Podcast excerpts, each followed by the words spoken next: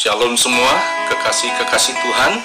Di masa pandemi COVID-19 ini, maka saya secara pribadi sangat percaya sekali bahwa ada sesuatu yang tersirat dari yang tersurat. Virus corona ini punya ukuran yang sangat kecil.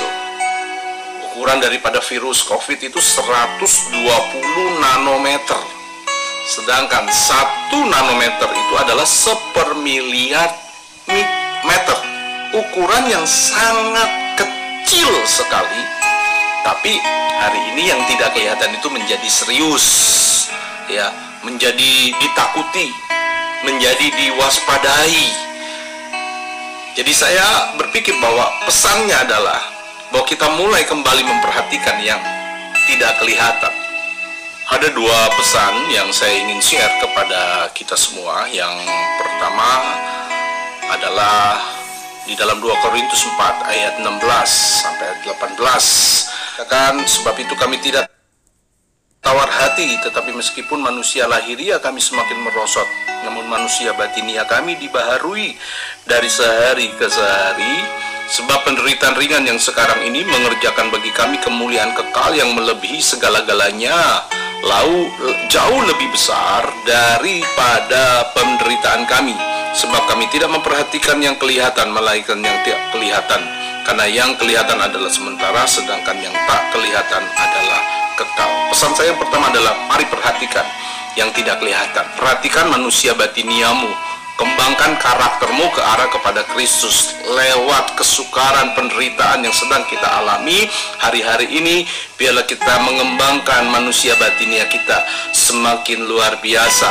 Di dalam kesulitan kita tidak bersungut, di dalam kesusahan kita tidak mengutuk. Ya, kita mau mengembangkan kecakapan manusia batinia kita, kita mengucapkan syukur.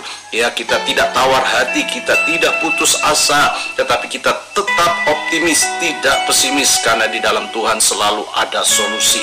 Inilah kesempatan bagaimana kita mengembangkan manusia batinia kita yang mengembangkan karakter kita dalam himpitan, dalam kesulitan, dalam kesukaran. Tahukah saudara bahwa saudara yang sesungguhnya itu adalah waktu saudara ada di dalam tekanan. Ya, karakter kita sesungguhnya itu muncul pada waktu ada di dalam tekanan, di dalam kesulitan, di dalam kesukaran.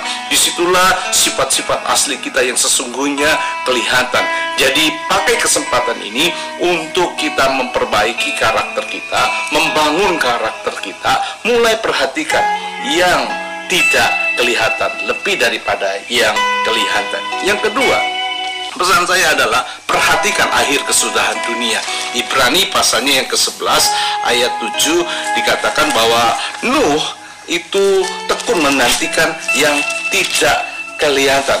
Dikatakan karena iman maka Nuh dengan petunjuk Allah tentang segala sesuatu yang belum kelihatan dengan taat mempersiapkan batera untuk menyelamatkan keluarganya dan karena iman itu ia menghukum dunia dan ia ditentukan untuk menerima kebenaran sesuai dengan imannya. Akhir kesudahan dunia kita tidak tahu kapan, kita tidak tahu kapan waktunya. Ya, tanggal, hari dan waktunya tidak ada yang seorang pun yang tahu katakan Alkitab. Tapi kita mulai bisa mempersiapkannya dari sekarang. Pandemi ini adalah sebagai sesuatu hal yang boleh saya katakan sebuah icip-icip atau sesuatu hal yang baru permulaannya. Masih banyak hal yang lebih lagi. Dan ini merupakan juga salah satu tanda-tanda bahwa dikatakan hari-hari yang akan datang masa yang lebih sukar.